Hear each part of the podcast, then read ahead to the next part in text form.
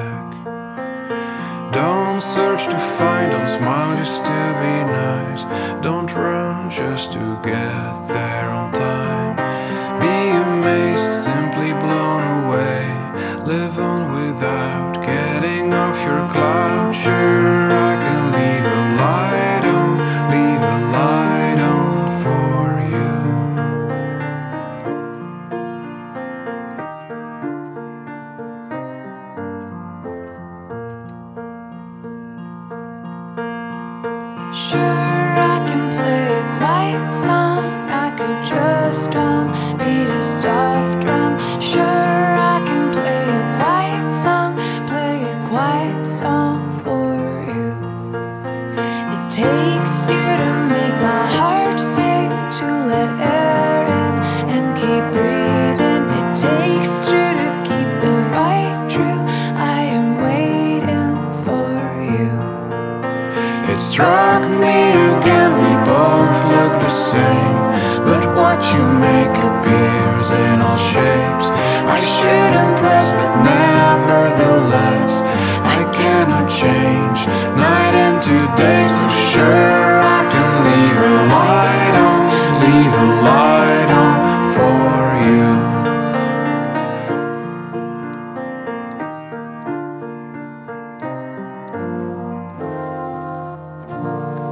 Leave a Light On.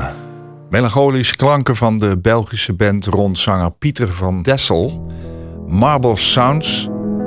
Een bloedmooi nummer volgens mijn gast dat over een vader en zijn zoontje gaat.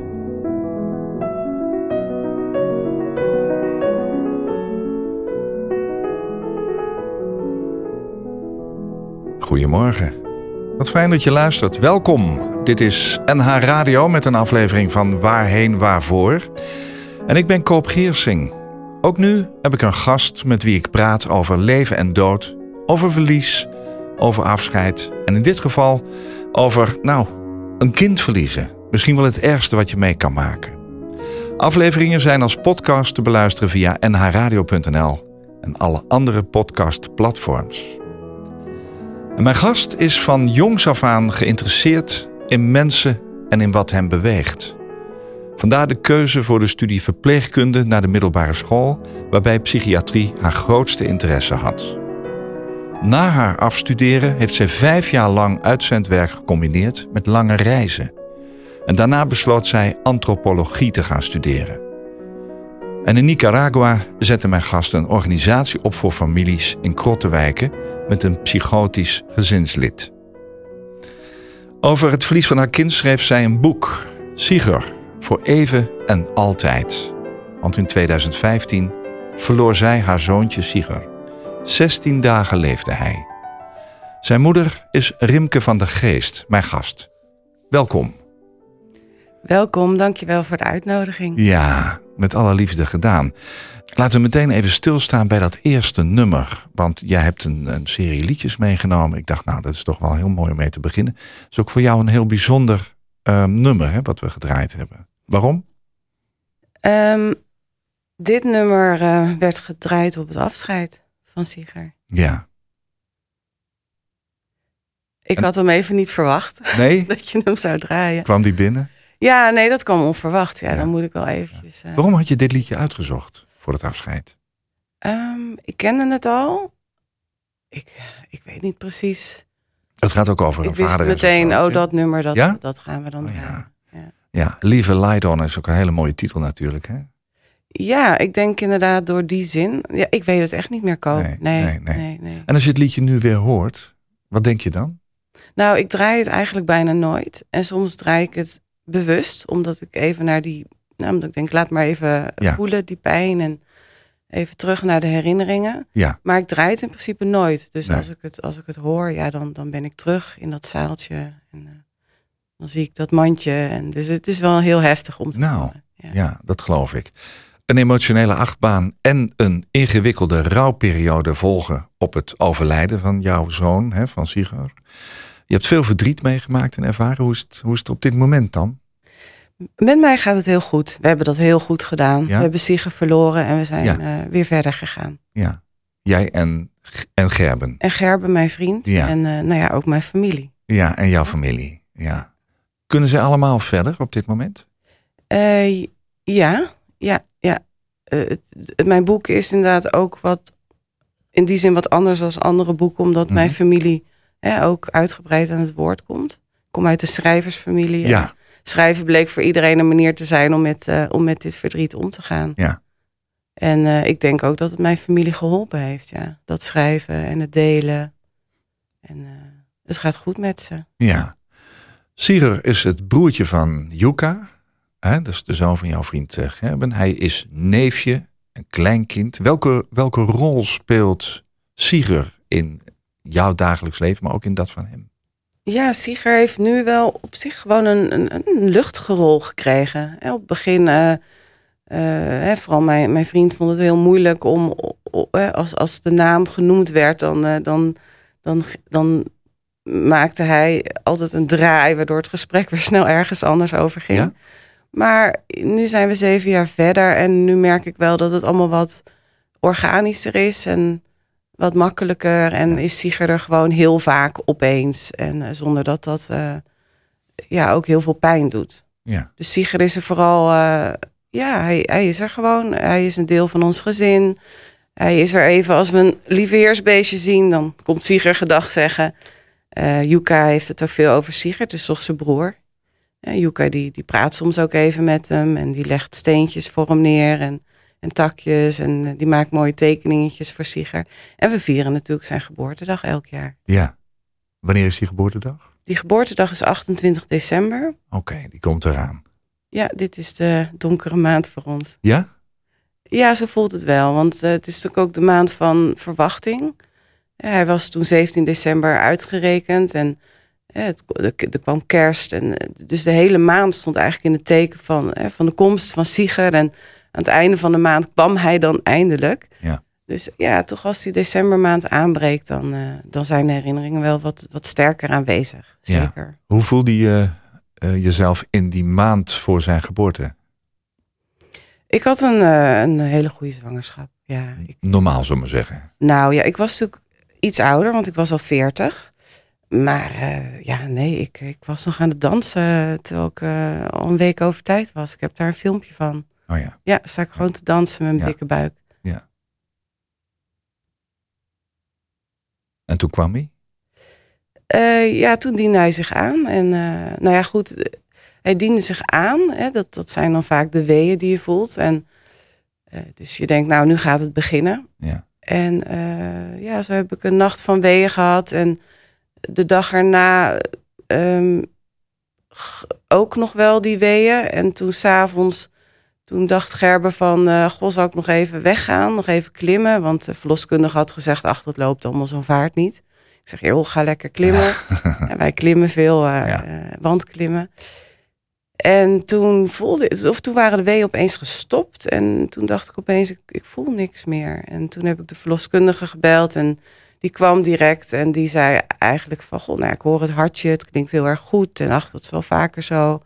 Tegen het einde van een zwangerschap, dat het kindje is ingedaald, dat je wat minder voelt. En ja, toen eigenlijk die nacht zijn de weeën weer begonnen. En ook wat heftiger. En de volgende dag hadden we sowieso een afspraak in het ziekenhuis. Om te kijken of ik ingeleid moest worden. Ja, Want je bent ver over tijd. En dan willen ze kijken of er nog genoeg vruchtwater is. Of het allemaal nog goed is. Ja. Dus we waren de volgende ochtend gewoon heel vroeg al in het ziekenhuis. En toen zagen ze eigenlijk op de CTG, dus het hartfilmpje, dat het kindje wat te rustig was. Dat waren eigenlijk een beetje de eerste signalen van god, dus hij voelt zich niet zo lekker. Ja. Ja, en toen heb ik gewoon de hele dag eh, in het ziekenhuis eigenlijk een natuurlijke bevalling gehad. Maak je je zorgen toen, op dat moment? Nee, nee, ik, ik, Ook ik- niet in die, want je zei eh, straks, ik, ik stond nog te dansen hè, met mijn dikke buik. Ja. Eh, je was 40 geweest, vertelde je. Had je, had je iets van, als het maar goed gaat? Of Nee. het wordt dan een eerste bevalling, lijkt me ook nogal wat. Nee, nee, ik ben eh, een zondagskind. Ik heb, ben Komt heel, ik ben heel, ja, alles Ja. komt wel goed. En, eh, en ook hè, toen het kindje te rustig was, ach ja, misschien dat ik wel even dacht, goh, wat raar, want ik ben een zondagskind. Bij mij gaat altijd alles volgens het boekje. Ja, Dat gevoel wel, maar niet dat ik me zorgen maakte om, om het leven van mijn kind. Nee. nee. Voel je nog een zondagskind? Eh, ja, ik voel me nog steeds een zondagskind, Ja? maar ik ben het wel even kwijt geweest. Maar ik merk nu toch wel dat je daar ook wel zelf voor kiest om dat te zijn. Oh ja, dat vind ik wel mooi dat je dat zegt. Ja, je kiest er zelf voor. Ja, ja, het is wel een, ja, denk een, in, een houding in het leven of een, een bepaalde instelling. Die je natuurlijk zeker meekrijgt van je ouders en van je, je opvoeding. Ik bedoel, je moet het ook maar kunnen. En Ja. het is niet zo dat ik een, een leven. Ik ben heel tevreden over mijn leven. En mij zijn. Eh, ik kan niet zeggen, god, heb ik een moeilijke jeugd gehad. Ik heb Nee. gewoon een hele fijne jeugd gehad. Ja, hoe zag het gezin eruit vroeger? Eh, ik ben een van drie, de oudste. Ehm, Een zusje en een broertje of twee broertjes? Ik heb een broertje en een zusje. We Oh. zijn alle drie binnen drie jaar geboren. Zo. Dus we zijn eh, ook heel hecht. Ja, ben je samen een beetje opgegroeid, hè? Klopt, we hadden veel eh, gemeenschappelijke vrienden. Mijn vader is antropoloog en mijn moeder is verpleegkundige. En ik ben het allebei. Waar komt dat schrijven dan vandaan? Eh, mijn ouders schrijven allebei heel erg goed. En heel erg veel. En eh, ja, ik ben ook gewoon... Ik kreeg een dagboekje op mijn achtste verjaardag. En daar ben ik in beginnen te schrijven. En eigenlijk heb ik vanaf toen altijd geschreven. Ja, jouw vader heeft je ook geholpen met dit boek, hè? Nou, eigenlijk niet. Het boek was helemaal af. En op een gegeven moment eh, had ik het aan wat lotgenoten laten lezen. Dus ook mensen die een kindje zijn verloren. Ja. En die zeiden eigenlijk van ja, maar dit is heel goed. Dit moeten meer mensen lezen. En toen dacht ik, nou, ik geef het aan of ik vraag mijn vader of hij Ja. dit wil lezen. Ja. Maar tot op dat moment had niemand het gelezen. Nee, dus het was eigenlijk meer een manuscript. Ehm, Was het ook meer voor jezelf? Ja, Of had je meteen het plan van dit moet de wereld ooit in? Nee, absoluut niet. Ik Nee. dacht, eerst schreef ik het voor mezelf. Daarna merkte ik dat ik het een be- beetje begon te bewerken en met de chronologie ging spelen. Ja. om het wat leuker leesbaar te maken voor, voor, voor familie. En eigenlijk daarna dacht ik, volg, misschien zit er wel een boek in. En toen heb ik het inderdaad aan mijn vader laten lezen. Ja. En die zei zei, die heeft zelf veel boeken geschreven. Dus die zei van nee, dit, dit is wel, dit kan je naar een uitgever sturen. Zo. Dus op die manier heeft hij mij geholpen. Ja. Mijn gast in deze aflevering van Waarheen Waarvoor is Rimke van der Geest. Zij schreef het boek Sieger voor even en altijd. Het is uitgegeven bij Growing Stories. Rimke schrijft het aangrijpende verhaal over haar zoontje Sieger, die maar 16 dagen oud mocht worden. En over de mensen die negen maanden op hem gewacht hebben. Het korte leven van Sieger markeert de levens van zijn ouders en van andere familieleden. Lost and alone on some forgotten highway. Traveled by many, remembered by few. Looking for something that I can believe in. Looking for something that I'd like to do with my life. There's nothing behind me and nothing that ties me to something that might have been true yesterday. Tomorrow is open. Right now it seems to be more than enough to just be here today. And I don't know what the future is holding in store. I don't know where I'm going, I'm not sure where I've been. There's a spirit that guides me, a light shines for me. My life is worth living. I don't need to see the end.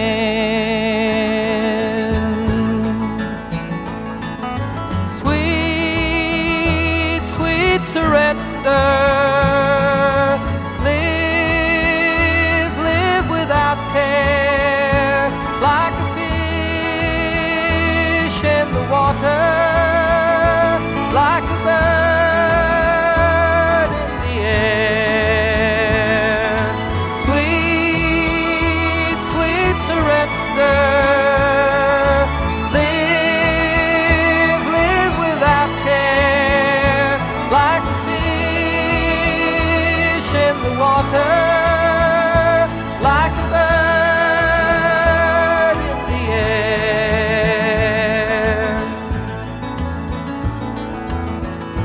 Lost and alone on some forgotten highway, traveled by many, remembered by few. Looking for something that I can believe in, looking for something that I'd like to do with my life. There's nothing behind me and nothing that ties me to something that might have been true yesterday. Tomorrow is open. Right now it seems to be more than enough to just be here today. And I don't know what the future is holding in store. Don't know where I'm going, I'm not sure where I've been. There's a spirit that guides me, a light that shines for me. My life is worth living, I don't need to see the end.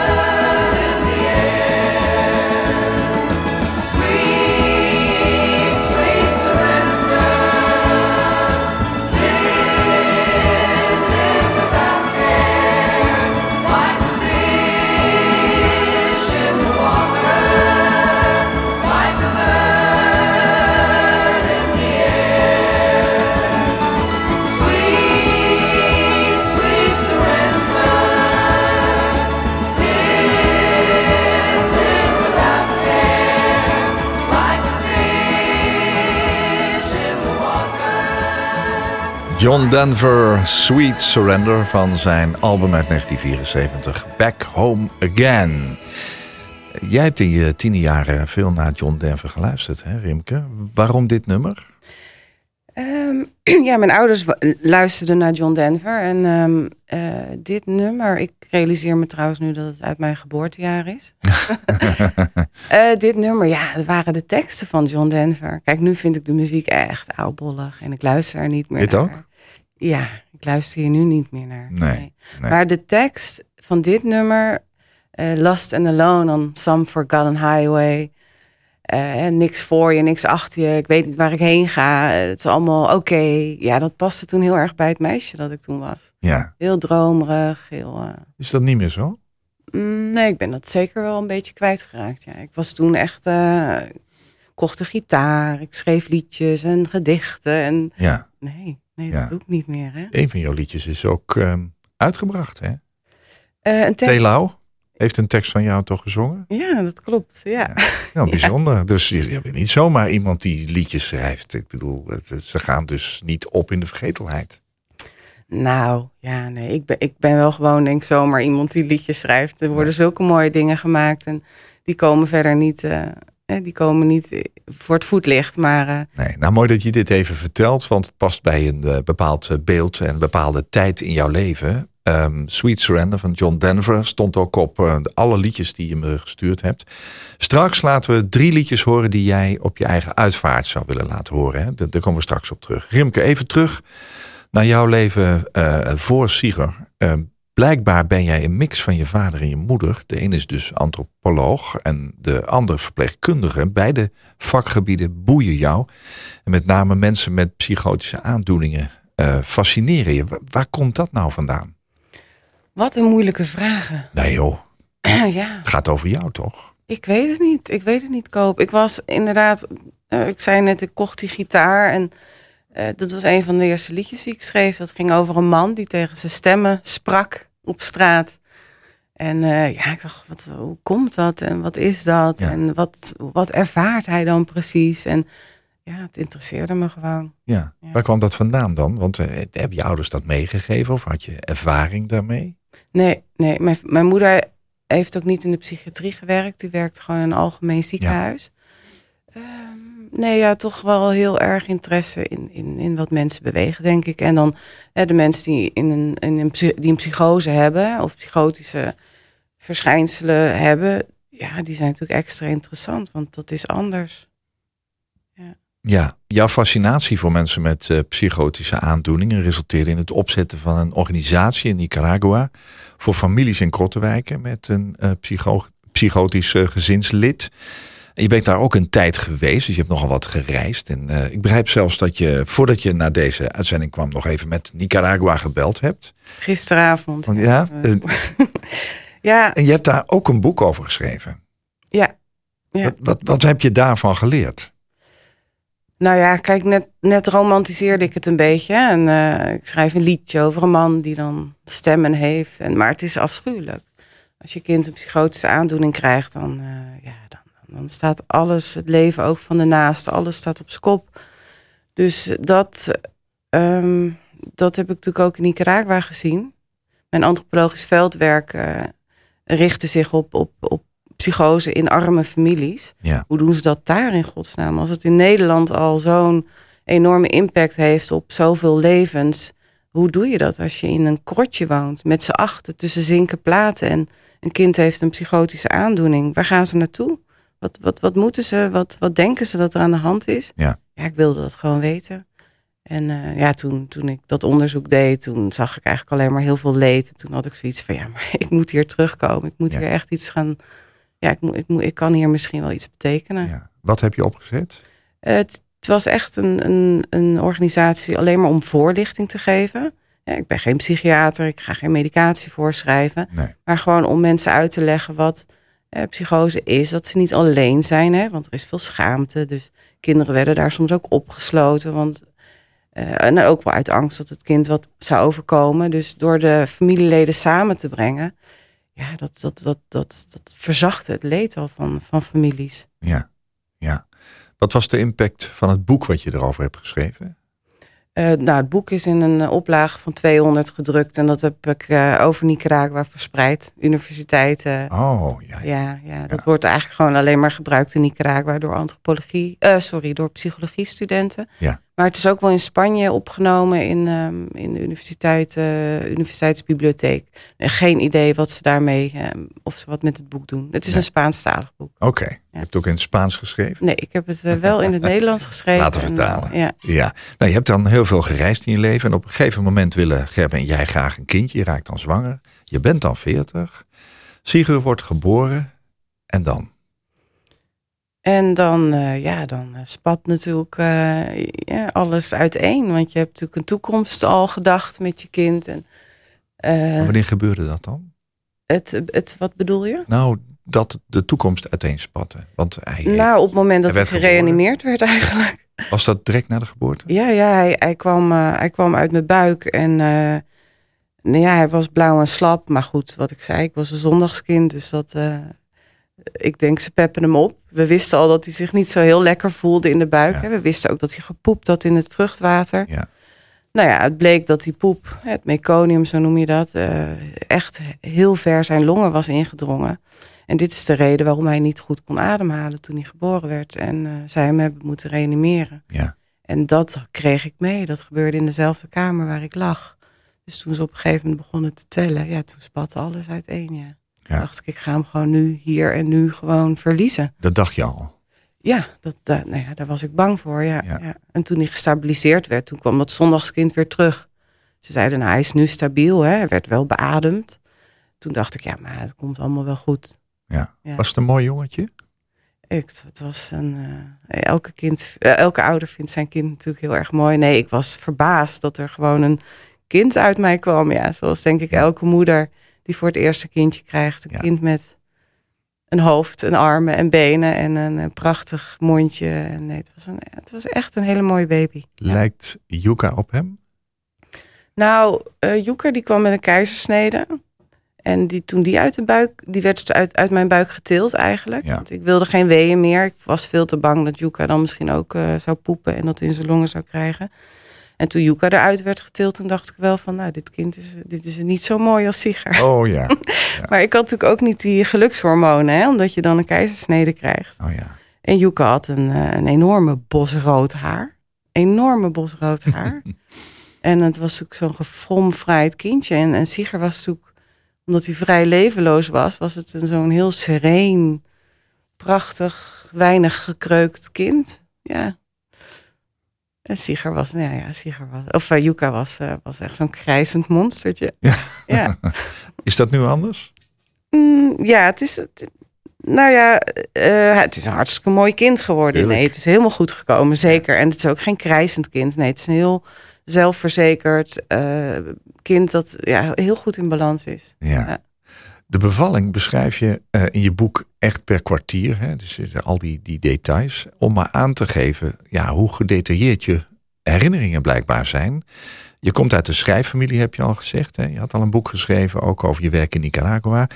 Hoe, hoe ben je uiteindelijk aan dit verhaal begonnen? Gewoon maar uh, per dag even iets opschrijven? Hoe nou, gaat zoiets? Uh, koop dat, da dat dagboek van de bevalling. Of de, althans, die, die, uh, die herinneringen van de bevalling, die heb ik niet geschreven. Hè? Dat gaat oh, niet. Nee, nee, dat is, nee. dat, dat, dat, is een, uh, dat is het dagboek van mijn vriend. Ja. Dat ook in het boek is okay. verwerkt. Ja. Die heeft, uh, mijn zusje had in der tijd gezegd, uh, Gerbe, als Riemke gaat bevallen, jij moet het onthouden voor haar, want als vrouw weet je het allemaal niet meer. Dus hij heeft uh, van kwartier tot kwartier heeft hij zitten schrijven op de achterkant van het hartfilmpje. Dus dat van de heeft hij ter plekke gedaan? Ja, en uh, ja. toen moest hij doorschrijven. Dus toen Siger werd geboren en hij hè, bijna overleed en toen toch gestabiliseerd werd en uiteindelijk toch overleed. Die 16 dagen in het ziekenhuis heeft Gerbe steeds alles opgeschreven. En dat is voor mij natuurlijk achteraf heel fijn geweest. Ja. Want uh, daardoor uh, ja, bleven de herinneringen inderdaad levend. Het zijn ook wel heel erg privé uh, gedachten hè, die daar staan. Ik had bijna iets van, goh, mag ik dit wel lezen? Klopt, ja. Ik kan me dat heel goed voorstellen. Ja. Maar je hebt het toch gedeeld met de wereld. Ja, ik schaam me nergens voor. En Gerbe ook niet. Nee. En, uh, en mijn familie ook niet. En het is echt zoals het is. Ja. En, uh, maar ik snap wel dat mensen, dat, dat, eh, dat niet iedereen dat normaal vindt. Dat je, dat je, dat je misschien zulke intieme oh. gedachten met zo'n groot publiek deelt. Nee. Ik snap het wel, ja. Ja. Maar ik heb er geen moeite mee. Nee, nou, helemaal goed. Um, we gaan even naar jouw lijstje met drie liedjes. Want ik heb gevraagd, stel dat je zelf zou overlijden. Je mag kiezen welke drie liedjes moeten daar gehoord worden. Die drie heb je samengesteld. Um, nou, we eerst naar de eerste kijken. En misschien een heel voor de hand liggende titel. Babies. ja. Waarom heb je die gekozen? Nou, allereerst, ik, ik heb altijd wel een briefje liggen met liedjes die ik op mijn uitvaart wil hebben. Van, jong, of van best al jongs af aan. Oh, dus was het briefje erbij pakken, toen wist je het? Nou, ik pakte het briefje inderdaad erbij, maar het klopte niet meer. Dus ik moest het updaten. okay, goed. Ik heb voor baby's gekozen, niet om de titel hoor, maar omdat ik uh, eindeloos vaak op dit nummer gewoon helemaal uit mijn dak ben gegaan. En mensen, als ze het op mijn uitvaart zouden horen, dan denk ik ook wel dat ze in gedachten mij zien dansen. Zo stel ik me dat voor. Van, oh ja, dat nummer van Rimke.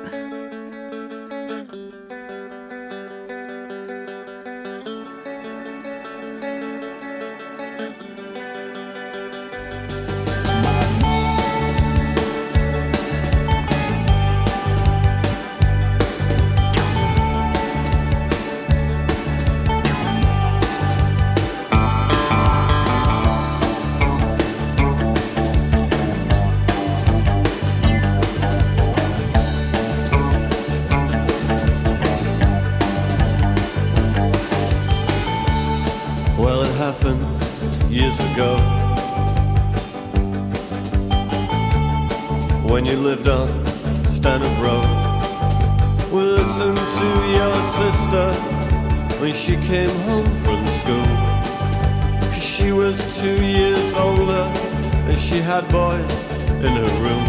And listen outside, I heard her. Alright.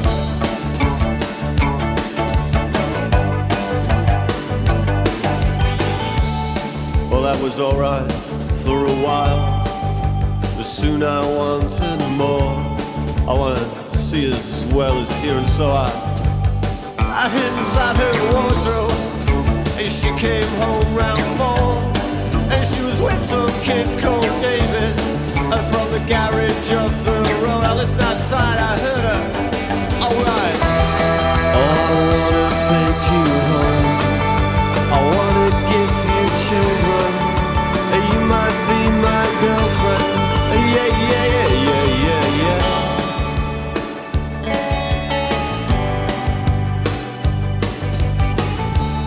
When I saw you next day, I really couldn't tell. Cause you might go and tell your mother. And so you went with me. Oh yeah, me was coming on. And I thought I heard you laughing when it's mom and dad were gone. I listened outside, I heard you. Alright. Oh, I wanna take you home. I wanna give you children. And you might be my girlfriend.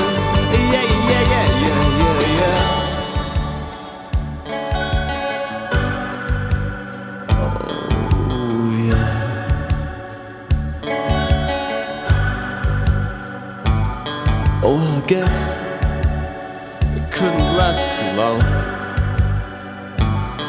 I came home one day and all things were gone. I fell asleep inside. I never heard her come. Oh, I opened up the wardrobe and I had to get it on. Yeah, oh listen. Oh, we were on the outside the door. I know you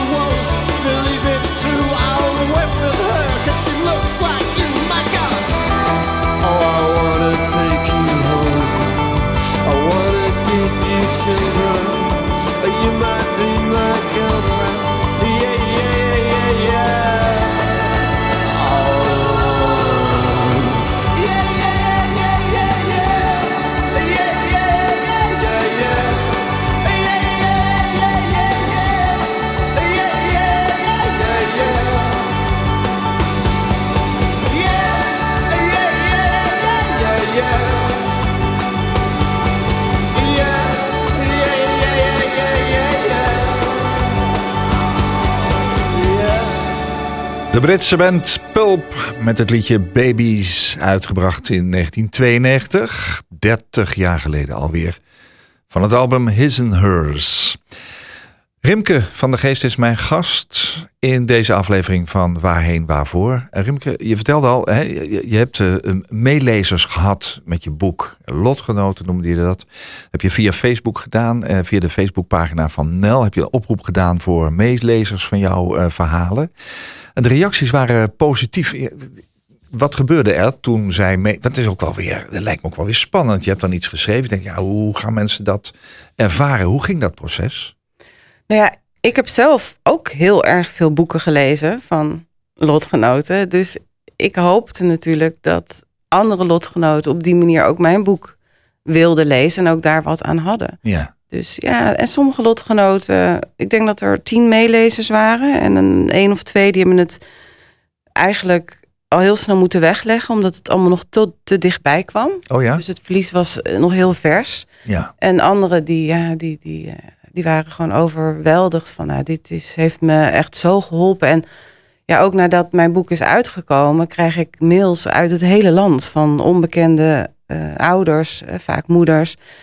Eh, de juf van mijn, eh, van mijn zoontje had het ook gekocht en gelezen. En ja, heel veel mensen hebben het of zelf meegemaakt of kennen iemand. En eh, ja, ik krijg toch vaak te horen dat het boek helend om maar een beetje misschien een, een, een, een, suf woord te gebruiken, maar ze gebruiken dat woord vaak. Het heeft Ja. mij echt geheeld en echt geholpen. Als je zelf zegt, ik heb al heel veel boeken ook over dat onderwerp gelezen. Waarom voegde jouw boek iets toe wat jou betreft? Nou, ik, ik, ehm, ik had daar inderdaad behoefte aan. Hè, om je niet ook de enige te voelen. Maar ik vond het toch soms lastig om boeken te vinden. Sommige boeken waren een beetje te literair naar mijn smaak. Dat waren ook gewoon natuurlijk hele bekende Nederlandse schrijvers. Die, eh, en, en, en de andere boeken waren soms wat eh, dagboekerig. Hè. Dat waren meer echt ego-documenten. En ik miste een beetje iets ertussenin. Dus iets wat toegankelijk is. En wat lekker doorleest, maar eh, ook weer niet te dagboekerig is. Dat miste ik een beetje. En dat eh, is een beetje de bedoeling geweest ook van mijn boek. Dus Ja. om toch een boek te schrijven waar eh, misschien wat meer mensen ja, zich in kunnen herkennen. Ja. Ik denk dat dat gelukt is. Eh, ik merk dat je het boek ook van achter naar voren zou kunnen lezen. Omdat je, je hebt niet zeg maar, een bepaalde volgorde die echt begint bij het begin en eindigt bij het eind. Hè. Je, gaat soms terug naar dingen. Je schrijft heel aangrijpend, ook heel gevoelig. Ik vind het ook een heel open boek. Ehm, je legt wel iets van jezelf op straat, hè, vind ik zelf ook. Wat heeft het boek, toen het klaar was, jou persoonlijk gebracht? Het is mooi hè, dat je zegt, ik zoek boeken van lotgenoten, die ga ik lezen. Want ja, daar heb je behoefte aan. Je wil niet de enige zijn. Dan komt jouw boek uit en dan ga je het misschien ook wel een keertje teruglezen. Hoe is dat gegaan? Wat heeft het jou gebracht? Nou, wat ik net al noemde, ik heb toch vooral in het begin heel veel mails gehad. Van, Ja, dat contact. Ja, ja, ja. Snappen wat het is. En wat het me heeft gebracht, ja, heel veel mensen zeggen, goh, dat moet wel een bevalling zijn geweest, zo'n boek. Of ze zeggen, oh, dat heeft vast bloed, zweet en tranen gekost. Of, maar nou ja, het schrijven van dit boek was, was heerlijk. Ja. Ik heb nooit gedacht van, eh, oh, dan moet ik weer, of ik weet niet wat ik moet doen. Het was een cadeautje. Ik mocht gewoon nog jaren met Sieger bezig zijn. Mhm. Dus het heeft mij, het boek heeft mij, nou ja, het, het schrijfproces heeft mij heel veel, heel veel vreugde gebracht. En ook tranen, maar gewoon tranen die gewoon prima waren. Ja. En het boek nu het uit is, wat brengt het me nu? Ja, eh, het brengt natuurlijk wel alles weer eventjes wat meer eh, tot leven. Ja, hè. Er wordt wel weer wat meer over Siege gepraat, absoluut. Ja. En ik weet niet wat er nog allemaal op me af gaat komen. Ik Nee. zie het wel. Ja. Je ligt in het ziekenhuis en je zegt, ik kreeg het, het, het zondagskindgevoel weer terug toen eh, ja, de artsen zeiden van eh, hij is stabiel hè, op dit moment. Hoe ging het verder? Want Sigurd heeft toch nog wel een tijdje, een aantal dagen eh, bij jullie geleefd. Ja, hij lag eh, op een IC hoor, op neonatologie. Lag eh, daarbij? nee, nee, nee. Hoe, hoe was dat? Dat moet ook heel, heel naar zijn. Kijk, Sieger lag 16 dagen ook echt wel. Hij was stabiel, maar ook kritiek. Hij had echt die beademing nodig. Als die zou worden gestopt, dan zou hij direct komen te overlijden. Ja. Dus het was ook maar de vraag of hij het überhaupt ging halen. Wanneer besefte je dat het, dat, dat zo was? Nou, kijk, wij dachten, hij knapt misschien wel op. Het is een voldragen kind, wat verder geen mankementen heeft, geen ziektes of wat dan ook. Maar hoe is het afgelopen met die hersenen? Hij heeft een heel lang zuurstoftekort gehad. Misschien Ja. ook al in de baarmoeder, maar en ook na de bevalling. Ehm, dus ja, nee, wij lagen gewoon. Ik, ik lag, we lagen eerst nog in een ziekenhuiskamer een week en daarna in het eh, Ronald McDonald's huis. Van, ja, we zijn in drie verschillende ziekenhuizen geweest trouwens. Ehm, wat was je vraag ook alweer? Nou ja, dat hij nog 16 dagen bij je geweest is. Dat je dat zondagskindgevoel terug had. Nadat ze zeiden hij is stabiel. Maar ergens moet je toch zijn gaan voelen dat je, dat je hem niet mocht houden of zo. Nou, kijk, dat zondagskindgevoel was misschien niet direct terug, maar ik had wel heel veel hoop in die 16 dagen. En die hoop werd af en toe wel gevoed door een een echo die dan werd gemaakt van zijn hoofd. En dat ze zeiden, ach, het ziet er wel goed uit. En dus ja, daarin kwam het zondagskindgevoel wel een beetje terug. Hè. Het komt vast goed, maar het is ook natuurlijk gewoon hopen tegen beter weten in. Ik denk eigenlijk dat de meeste ouders hè, in zo'n ziekenhuisperiode dit gevoel wel zullen herkennen. Maar ergens natuurlijk weet je van, nou, dit kan ook eh, niet goed aflopen. Nee. En toen inderdaad de MRI kwam, hè, die, die dan vertelde hoe de status van zijn hersentjes was. Ja, toen was het einde, einde verhaal. Het was, eh, had geen zin. Dit jongetje had, eh, had geen leven gehad.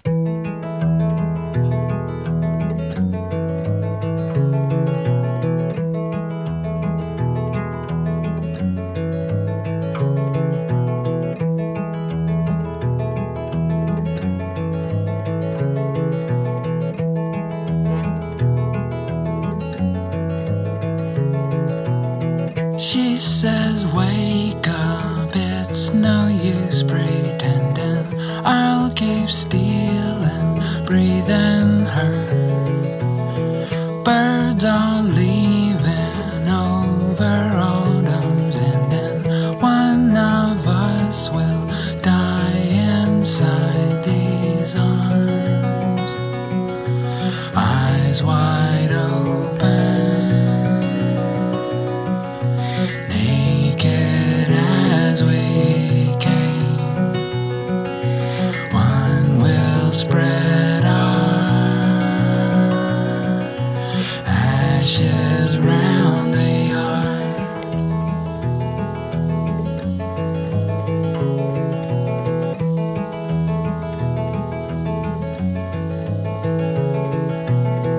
She says if I leave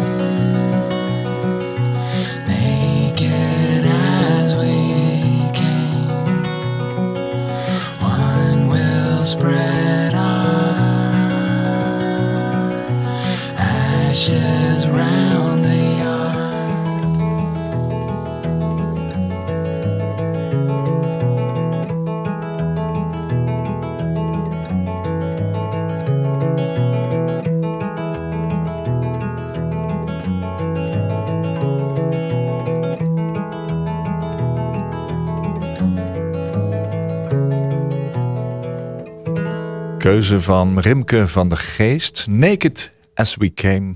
Indie pop uit Amerika door de singer-songwriter en zijn band Samuel Beam onder de naam Iron and Wine. Je weet ze wel uit te zoeken. Waarom heb je dit op jouw lijstje staan van drie liedjes die op jouw uitvaart gehoord moeten worden? Ja, prachtig nummer. Gaat denk ik ook wel over afscheid. Ehm, er wordt wat over gediscussieerd de- wat de tekst nou precies betekent. Ja, Maar eh, ik haal er toch wel uit dat het over een ouderstel gaat eh, die het over een, eh, naderend einde heeft.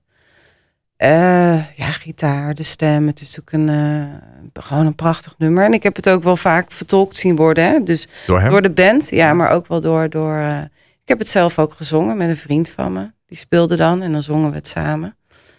En een jongen die ik ken, Pieter van Vliet, met zijn band Port of Call, die, die heeft het ook gecoverd. Echt,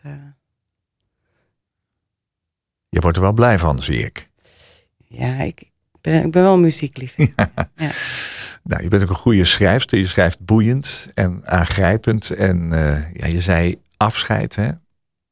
Ehm, je hebt afscheid moeten nemen van Sigar met Gerben. Hoe ging dat? Oeh, ja, Na 16 dagen ja. moest je hem weer loslaten. We lieten hem gaan, dat was het. Ja, Hij stopte met ademen. ja. Hebben jullie daarvoor gekozen? Ja, zij zeiden dat de hersenen eigenlijk totaal verwoest waren. Ja. En we konden de beademing stoppen en dan zou hij, zou hij komen te overlijden. Ja. Dus het was een moeilijke keuze, maar ook weer niet. Heb je dat nog uitgesteld? Heb je dat nog... Of heb je meteen gezegd, dat doen we? Ja, we hebben, tot, we hebben dat uitgesteld tot de volgende ochtend.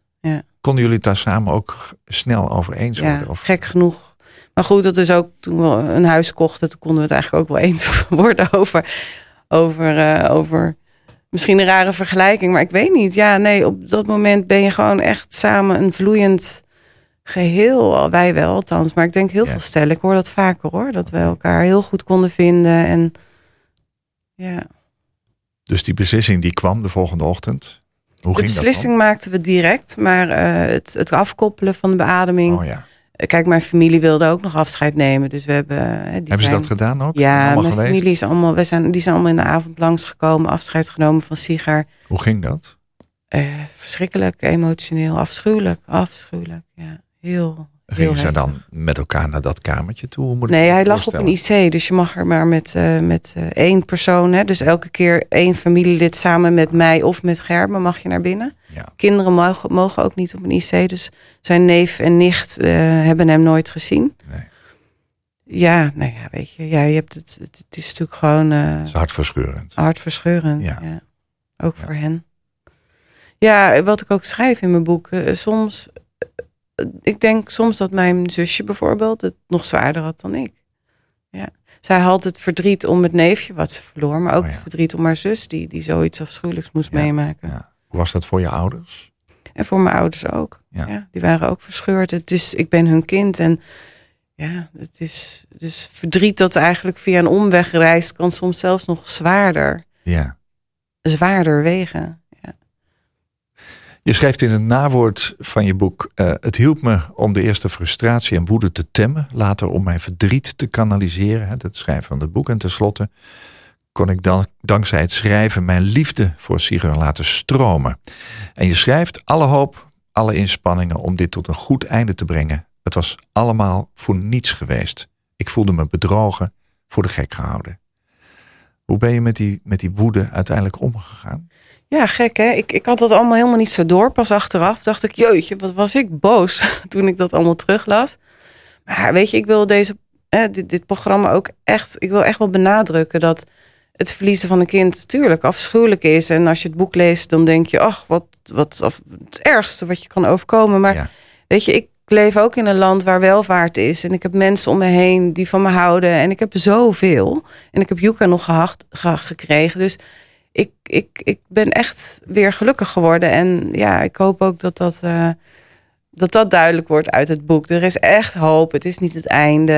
Eh, Je kunt inderdaad ook de liefde gewoon laten stromen voor dat kind dat er niet meer is. Hè. Het, het is er niet, maar het is er ook nog wel.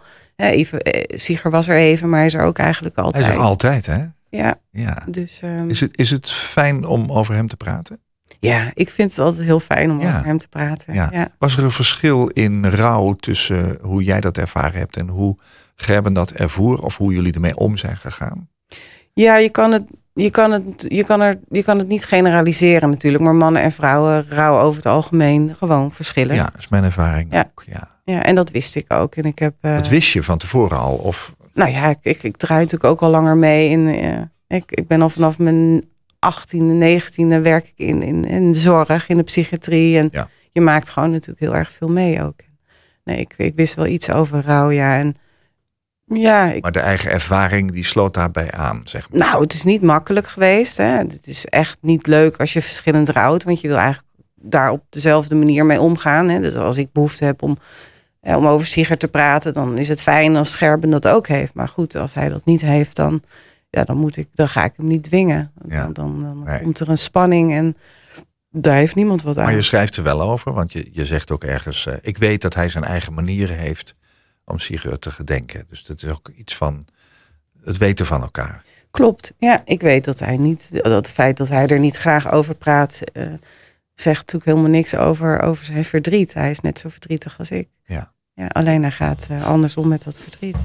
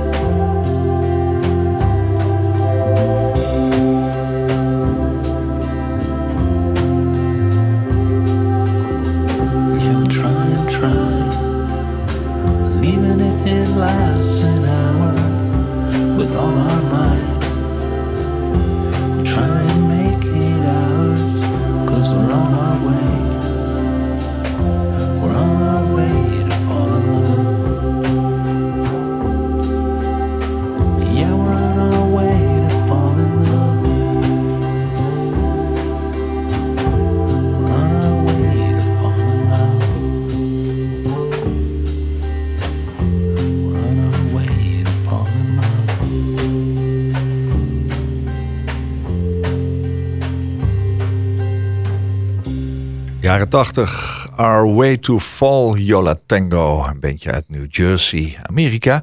Opnieuw indie pop. Eh, wat een mooi liedje. Waarom? Om Yola Tango, ja. Oeh, nou ja, ook vaak wel gezien live op festivals.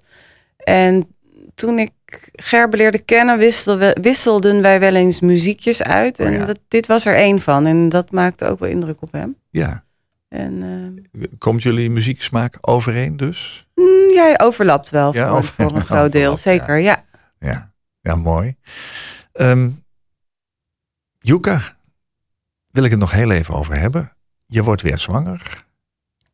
Ik zou dan bijna kunnen denken van ja, dan ben ik heel bang dat hij dat die ook eh, doodgaat of zo. Is, hoe is dat gegaan bij jou? Ja, bizar. Hij zat al in mijn buik eh, toen Sigrid nog niet eens drie maanden eh, overleden was. Ging heel erg snel. Ik was al een, inmiddels we- 41, of bijna 42. Ja, Dus een godsgeschenk, maar ook een eh, doodeng. Ja, was Toch wel. heel eng. Ja, was Ja? heel eng. Maar hoe verliep ik wist natuurlijk wel dat, de, dat Sigrid gezond was. En dat die zwangerschap was natuurlijk heel erg goed verlopen. Ik had totaal geen klachten. Nee. Dus in die zin kon ik het ook wel eh, rationeel bekijken. Van nou, dit moet, eh, waarom zou het fout gaan? Maar ik was wel bang voor het einde. Hè? Dus, dus ik denk, ja, deze blijft dan natuurlijk ook veel te lang zitten. En dan krijg ik wee en dan gebeurt weer hetzelfde. Ja, Dat wilde ik niet. nee, Dus eh, bij het ziekenhuis gingen ze eigenlijk direct akkoord met, eh, met mijn wens voor een keizersnede. dat was jouw eigen wens. Ach, en Yuka lag ook dwars. Dus het zou sowieso een keizersnede zijn geweest. Ja, Ja. ja. En toen had je hem in je armen. Ja, nou ja, dan lig je inderdaad op zo'n tuin. Dat is allemaal fabriekswerk, hè, zo'n keizersnee. Dus je ligt daar en je krijgt inderdaad een kind. Maar het is wel heel anders natuurlijk. Was een natuurlijke bevalling. Ja. Een krijzend monstertje. Ja, maar heel blij. Ja. En Gerbe ook natuurlijk. Ja. Nog even bang of hij wel niet, eh, of hij wel goed ademde. Toen hoor je Gerbe me ook zeggen op een filmpje van ademt hij goed? Ja. maar eh, nee, Yuka is ook nooit ziek. Heel gezond kind. Ja, Nou, dat is fijn. geweldig kind. Ja, ja. Hoe oud is hij inmiddels? Hij wordt bijna zes. Hij is Ja. twee dagen na, Yuka- na geboren. Ja. Wilde hem eigenlijk op 28 december halen. Ja. Met die geplande keizersnede, Dezelfde- maar dat hebben we maar niet gedaan. Nee, nee. Nou, ik wens jullie daar een, een heel mooi leven mee, een hele mooie toekomst. Ik weet dat dit dus een lastige maand voor je is, hè? een beetje donkere maand. Sterkte daarmee ook. Vandaag zat hier toch maar in deze aflevering van Waarheen Waarvoor Rimke van der Geest. Zij schreef het boek Sieger voor even en altijd, uitgegeven bij Growing Stories.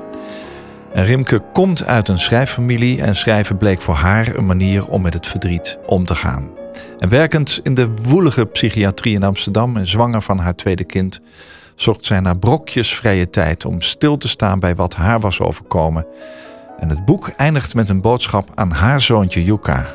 Dankjewel, prachtigste jongetje op aarde, voor jouw onbegrensde liefde en de manier waarop je jouw broertje Sigur omarmt. Wat ben ik blij dat je er bent. Nou, ik was heel blij dat jij er bent. Dankjewel. Super, dankjewel Koop. Voor Fijn dat je er was. Alle goeds en doe de goed aan Gerben. Doe ik. En volgende week zit hier Peter Lussen. In mei 1981 begon hij aan zijn eerste professionele klus als acteur. En later werd hij bekend met een tv-commercial voor chips en de tv-serie Vrienden voor het Leven. En van oorsprong is hij cabaretier. En cabaretiers doen meer, zo is hij spreker, presentator, coach, trouwambtenaar en uitvaartspreker. En Peter Lussen zegt: Ik heb altijd al iets met de dood gehad. En daarover gaat de volgende aflevering van Waarheen Waarvoor. Dank voor het luisteren. Alle afleveringen met gasten kun je als podcast terugluisteren via NH Radio. Je kunt me altijd mailen met jouw herinneringen, opmerkingen of als je zelf je verhaal wilt delen via waarheen acht uur zit hij hier, staat hij hier. Marcel, goedemorgen En Marcel. Leslie, ja. En Eh, Leslie, waar is Leslie? Ja, ze is eventjes... Ik heb haar eh, voorbij zien vliegen. Ja, thee halen denk ik altijd. Tuurlijk, ja. Rond deze tijd. Even een kopje thee. De agenda is zo dadelijk, hè? Ja, heerlijk. Vol met eh, Sinterklaas. We gaan lekker luisteren.